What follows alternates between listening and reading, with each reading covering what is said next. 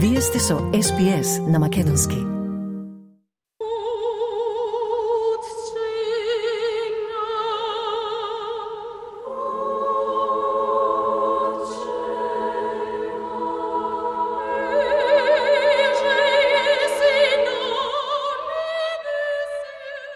Добро утро, Маргарита. Голем поздрав до сите слушатели на SBS на Македонски.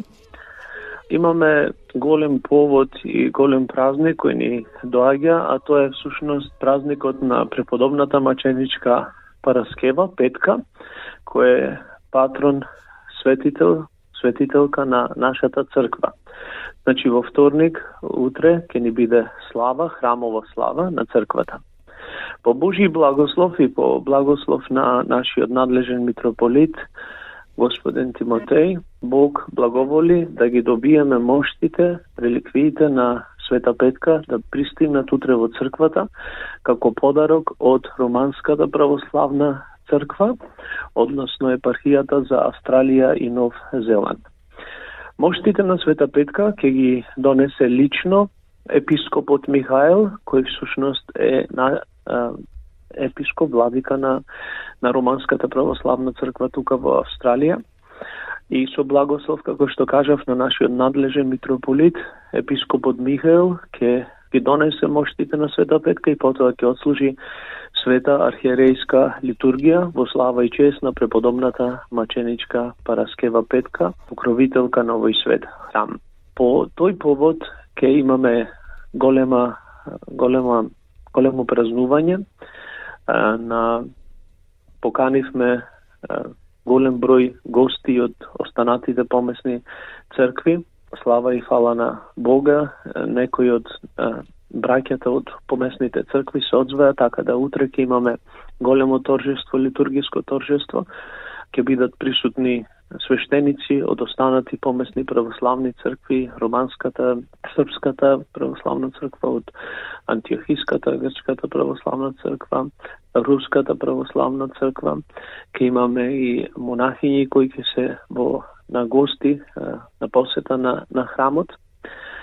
Па така, после завршувањето на ова торжество, кое ќе се случува утре, е приготвено и пригодна трпеза на љубовта а, за гостите кои ќе ги имаме, а, свештенослужители а, а, и владиката, но и за сите останати верни чеда на нашата Македонска православна црква и сите кои добронамерни христијани кои ќе присуствуваат на овој торжествен чин. Отец Недевски, какво значение носи оваа чест? За нас како црква Македонска православна црква, но и посебно за оваа црква во која служам јас, ова е голем момент, бидејќи после повеќе децении на, на децении кои се изминати, ова е, можем да кажам еден посебен чин, бидејќи братски, со останатите сестрински православни цркви, ќе имаме можност да сослужуваме, ќе имаме гости, имаме висок представник, значи висок гостин, епископот Михаил, кој со преголема љубов, почит кон нашата заедница, а, одлучи да, да дојде, да ги донесе, да ги подели моштите на Света Петка и нашиот храм, всушност да ги има автентичните мошти на, на Светата преподобна Паченичка Параскева Петка.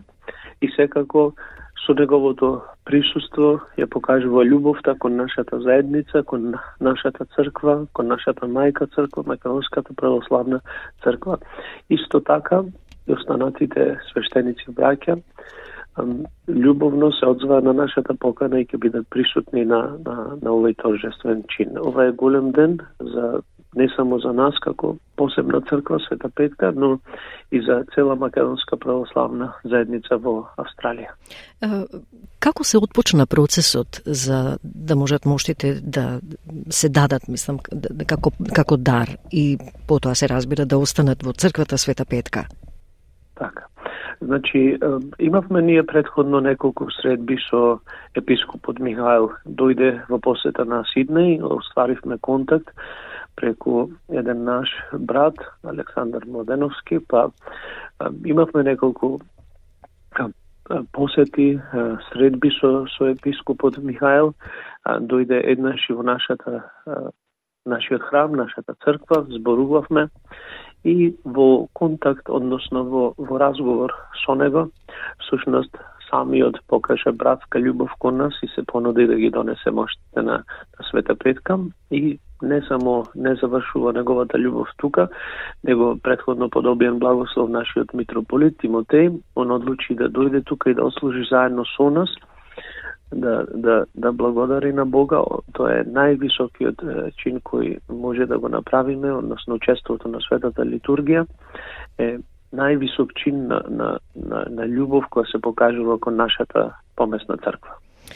Отец Недевски, со каков став презентиравте аргумент дека моштите на Света Петка треба да останат во црквата Света Петка? Маргарета, обично кога се имаат реликви свети мошти на, на светител, а кога еден храм го носи името на тој светител, ако, ако сме автентични христијани, православни христијани кои проповедаат љубов, бидејќи Бог не е ништо друго, туку љубов, троичниот Бог, тогаш не верувам дека некој доколку посака да, да ги има моштите, а вие сте љубовно насочени кон него, а јас мислам дека епископот Михаил дојде, виде за, за што се работи, го посети нашиот храм и всушност љубовта кон Христос и кон а, а, преподобната маченичка Параскева го поттикна всушност да, да ги подели дел од моштите на Света Петка да пристигнат во нашиот храм и да останат тука за за утеха и за целување на, на, на нашиот верен народ. А дали најдовте на некакви препреки во тој процес или не? Нема никакви препреки, значи ам, после ам, ланското, да речем, ам, ам, влегување во канонско единство со сите поместни православни цркви, работите драстично се изменија наидовме на братска љубов и разбирање ко, ко, од сите православни сестрински цркви кои се тука присутни во Австралија, па затоа и, и, и како е, голем пријател на македонскиот народ, епископот Михаил не не се почувствува никогаш притеснет да, да комуницира со нас, односно да, да, да дојде, да се договориме да се изврши овој, овој чин. И за крај како ќе бидат спестени или положени моштите на Света Петка, дали ќе бидат ставени на виделина за Да, Маргарета, ние веќе, веќе имаме а, мошти на повеќе светители во храмот Света Петка и на специјално изработен кивот кој беше дар од наш голем верник. Во тој кивот ги чуваме светите мошти од повеќе светители кои досега стигнале во нашата црква така сега и Света Петка ке, ке всушност ке го земе местото во еден од, од деловите на кивотот кој го имаме. Моштите на денот на Света Петка ќе бидат изложени за целивање, односно за поклонение на сите верници, но потоа се чуваат на сигурно место во светиот олтар на, на светиот престол. Отец Владо Недевски, ви благодариме и се најдобро за утрешниот ден. Ви благодарам, Маргарета. Голем поздрав, честит празник на сите македонски православни верници, на сите православни верници кои утре ќе го празнуваат споменот на преподобната маченичка Параскева Петка. Благослов, мир и љубов од нашиот тројчен Бог до цел народ со добра волја.